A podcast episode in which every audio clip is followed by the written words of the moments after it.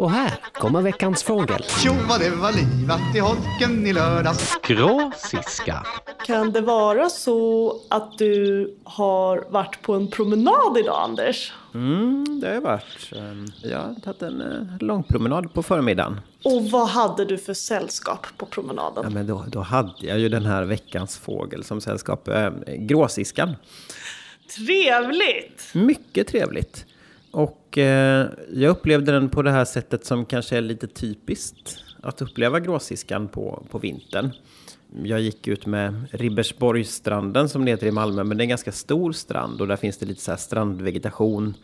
Med lite vinterståndare och sånt där. Och, och, och det gillar gråsiskan då. Det är en fink som letar frön på vintern. Så att strandvegetation är väldigt bra. En bra biotop att hitta dem på, på vintern då. Och hur kunde du identifiera gråsiskan? Man kan säga så här att man kan känna igen dem på flera olika sätt. Men ett sätt som är ganska typiskt då med gråsiskan det är att det är en liten fågel som ofta syns i ganska stora flockar på vintern. Stora, lite rastlösa flockar som drar runt. Liksom att de, de flyger från område till område och landar och sen lyfter de snart igen och sådär. Och så hör man deras typiska lockläten som är lite så här tick, tick, tick, tick, tick, tick. Som kommer ifrån flocken då. Det är ett jättebra sätt att känna igen dem utan att kunna liksom detaljstudera någon enskild fågel. Sådär. Men sen kan man ju se gråsiska på andra sätt också. De kan till exempel dyka upp på fågelbord så här på vintern. Och då kan man ofta titta på dem lite bättre och närmre genom ett fönster eller sådär. Och då är det en, en liten finkfågel som är ljus under, lite randig, har två ljusa vingband. Och så har den svart runt näbben och sen har den en röd fläck i pannan. Då är det gråsiska. Kan den inte ha lite rött på bröstet också? Det kan de absolut ha och det är hannarna som har det. Och det kan de ha så här års. Eh, Det är framförallt på våren som det blir tydligare då när det närmar sig häckning. Eh, Men så här på vintern kan det också börja synas. Och det är liksom det är hannen man känner igen på det sättet. Okej, men ett standardutseende är en röd liten hatt på en spräcklig fink. Precis. Eh, Och den här röda hatten är extra tydlig på hannen också kan man säga. En liten fes. En liten fes, precis. Precis. En liten fes med två ljusa vingband kan man också säga. Det är ett bra sätt att känna igen den här då. Men varför är den så hetsig då? Varför kan den inte ha det lite mysigt på sina rastplatser utan oroligt försvinner vidare? Jag vet faktiskt inte det, men det är ett ganska typiskt beteende det här att de lite ängsligt drar runt. Eh, Och oftast är det ett annat sätt att ha dem ganska ofta. Det är inte bara så att det är strandvegetation, utan ofta så sitter de i björkar till exempel, de här flockarna, och, och klänger runt. Och då kan de liksom sitta i en björk och så kommer det någonting som skrämmer dem lite grann, en katt eller en människa eller att det bara är någon fluk liksom. Och så försvinner de iväg och så kommer de tillbaka några minuter senare sådär. Så att jag vet inte. Rastlöst. Men just det där med att de sitter i, björkar också, det, det har gett ett av namnen på grålsiska. Jag tänker på kungsfågeln, den kallades för granlus.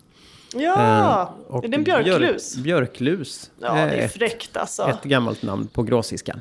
Mm. Men de klänger som lusar då i, i björkarna på när de drar runt som, som vinterflockar då. Hur klänger sig en lus? Ja, men det kan vara lite så här, de kan hänga lite upp och ner och så. Eh, när de söker, och det är annars mest ja, men till exempel mesar som gör det. Men de sitter inte upprätt hela tiden utan de hänger långt ut på grenarna och vill komma åt frön då. Som är Okej. huvud, huvudfödan för de här. Så de får jobba lite um, upp och ner, lite Spiderman-positioner. Exakt. Och sen är det så här, jag nämnde ju det här med kusten och så. Det är ett ganska typiskt sätt att se eh, gråsiskor på vintern. Men man kan faktiskt se dem i nästan hela landet vintertid. Och ofta ganska stora flockar rätt långt norrut också. Nu när det är som mörkast på året så är kanske dagen lite för kort för att de ska hinna äta ordentligt längst norrut. Men eh, finns absolut i både Norrbottens och Västerbottens län året runt eh, gråsiskeflockar. Men sen eh, gråsiskan har ett uppdelat utbredningsområde i Sverige. Så de flesta gråsiskorna i Sverige häckar uppe i fjällbjörkskogen, eller den fjällnära skogen. Och där är det en egen då ras eller underart då som är så att säga gråsiskan som först blev beskriven, den ursprungliga gråsiskan eller vad man ska säga. Och sen i södra Sverige så finns en annan underart som häckar framförallt Skåne på västkusten som kallas för brunsiska. Som en egen ras då, brukar man ju säga. Med ett annat utbredningsområde och ett lite annat utseende. Den är lite gråare i färgen, lite... De här ljusa vingbanden drar lite mer i brunt, men väldigt lik. Och sen finns det dessutom snösiska. Usch, Som nu hänglar. blir det för Ja. mycket känner jag Anders. Ja, nej, men Oj, det här är oj, intressant. Det här är Nej men intressant. så att alla är gråsiskor. Det här är massa underarter till, gråsis till Precis. gråsiskan. Ja, och nu kommer det mest spännande här. För snösiskan har precis börjat anses vara en underart till gråsiskan. Innan ansåg man att det här var en egen art. Mhm. Men där har man då nyss gjort ett ställningstagande i Sverige. Att detta faktiskt, nej men man kan inte skilja artmässigt på gråsiska och snösiska. Utan det är faktiskt samma art, trots allt. Och så de kan para sig med varandra. Ja, men det kan de göra. Eh, Mm. Och sen där artbegreppet är ofta lite mer komplicerat än så. Mhm. Berätta.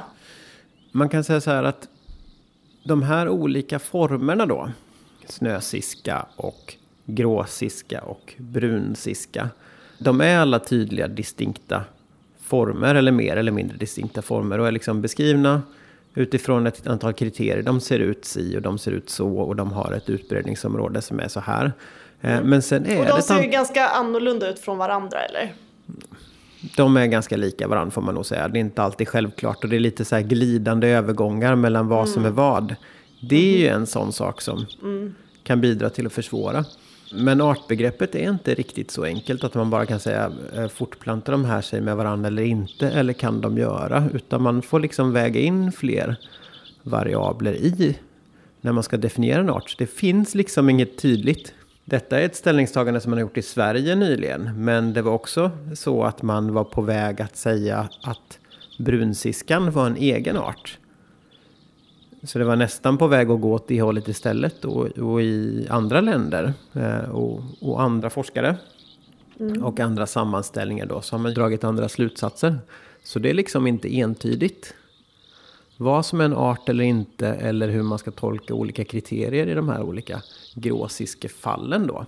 Har du hört talas om ringarter? Eh, ja, Det tycker jag också är så här coolt eh, med artbegreppet. Och då är det ju, så, säg exempelvis om det häckar fåglar runt ett stort berg. Då kan evolutionen göra så att de blir väldigt olika hur de sprids. Och alla som är grannar med varandra kan para sig med varandra. Men sen där ringen sluts, då kan arterna vara för olika varandra för att kunna para sig. Och där är det ju också att det är ju samma art. På ett sätt, men på ett sätt är det ju inte det. Då så är det väl säkert, säg fåglar som är på en hel kontinent att, och de kan para sig med varandra. Men skulle man ta en fågel från västra Amerika och en från östkusten, då kanske inte de skulle kunna para sig med varandra för att de sakta men säkert har blivit så olika. Det är som en regnbåge liksom, mm, ja men precis. med färgerna som skiftar. Ja, men det stämmer ju. Och, och om man säger så här, det här med evolution, det är en ständigt pågående process. Ja, vi är inte färdiga Nej, om man alltså, säger så. ingenting är färdigt. Och, och Nej, och så... inget är i balans. Nej, exakt. Utan det, det är dynamiska processer allting. Och då, och då är det väldigt svårt att införa tydligt när man säger så här att nu är detta en art. Eller nu är detta. Utan det är ju så här glidande övergångar hela tiden. Men vi försöker tillämpa då den här begreppsapparaten där man försöker göra en tydlig avgränsning. Ja, och det har ju evolutionen också gjort oss till eh, väldigt kategoriserande varelser. Och det är roligt att evolutionen har gjort oss så kategoriserande. Men evolutionen gör det svårt att kategorisera allting. Precis. Verkligen. Mindfuck! Yes. Ja, men det är riktigt mindfuck. Mm. Så de här eh, gråsisk-komplexet då som man pratar om, det är, det är Mm. en sån här mindfuck. Liksom, vad är art och vad är underart? Eh, Mm. Och hur förhåller de sig till varann? Och det, det är säkert så att om man skulle ge saker och ting lite mer tid så skulle man upptäcka tydligare artkriterier då. Men det här är Jag ju tror lite... inte gråsiskorna bryr sig. De Grå, kör grej. bryr sig helt säkert inte. Jag skulle tro Mm. så här att de som bryr sig mest om detta, förutom de som forskar kring det. Får jag säga vilka jag tror? Mm, ja. De som kryssar. Exakt, precis så är det.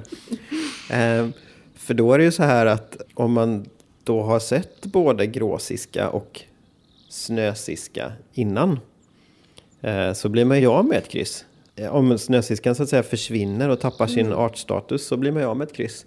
Eh, Har när, du blivit av med ditt kryss? eh, jag blev av med snösiskekrysset, ja. Jag beklagar. Ja, det, det är okej, jag överlever. eh, men det kan ju vara kanske någon befinner sig vid någon så här magisk gräns på någon lista eller någonting. Och, och då kanske... Då blir det inte den här jättehäftiga arten som var den 400 längre utan en, eh, någon tråkig eller mindre spännande sak.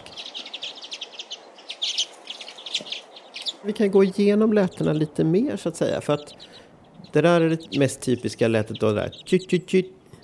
Det är ett ganska vanligt lockläte. Och sen har de också ett sånt där tjut, som är lite, också lite så här att jag tänker siska. Och det är lockläten. Båda de här kan man höra från enstaka fåglar och från flockar då som drar runt. Och sen sången är väl lite grann innehåller lite grann båda de här komponenterna. Och sen tillsammans med lite så här gnissliga läten.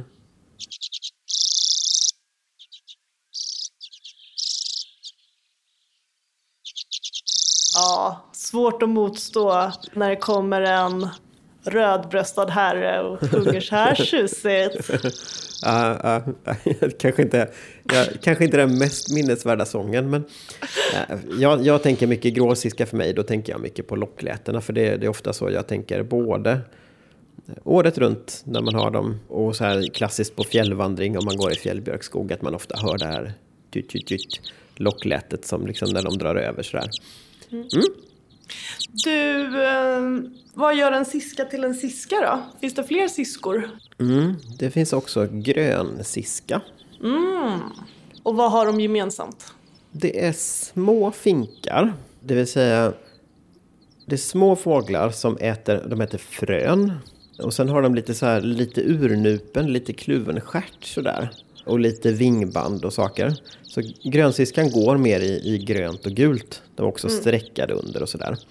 Men sen påminner de också lite om andra små finkar som hämpling och vinterhämpling och sådär. Men tänk er liksom en liten finkfågel. De ser ganska utpräglat små ut. Och då äter frön, landar ganska ofta på marken. Klänger i trän också. Det, det. det är också siskigt beteende. Klänga i trän får jag nog säga. Små miniapor. Mm, ja men precis. Så att, För de är eh, ju också nere på marken, en del apor och hänger och klänger. ja, ja. Och... Och dra Ja. runt. Ja, och kan vara sociala sådär. Ja men det, det känns... det, det är en bra... Där har vi, där har vi det. Fågelvärldens apor. Ja, precis. Eh, sist men inte minst. Mm. Hur mycket tycker du om gråsiskan? Ganska mycket får jag säga.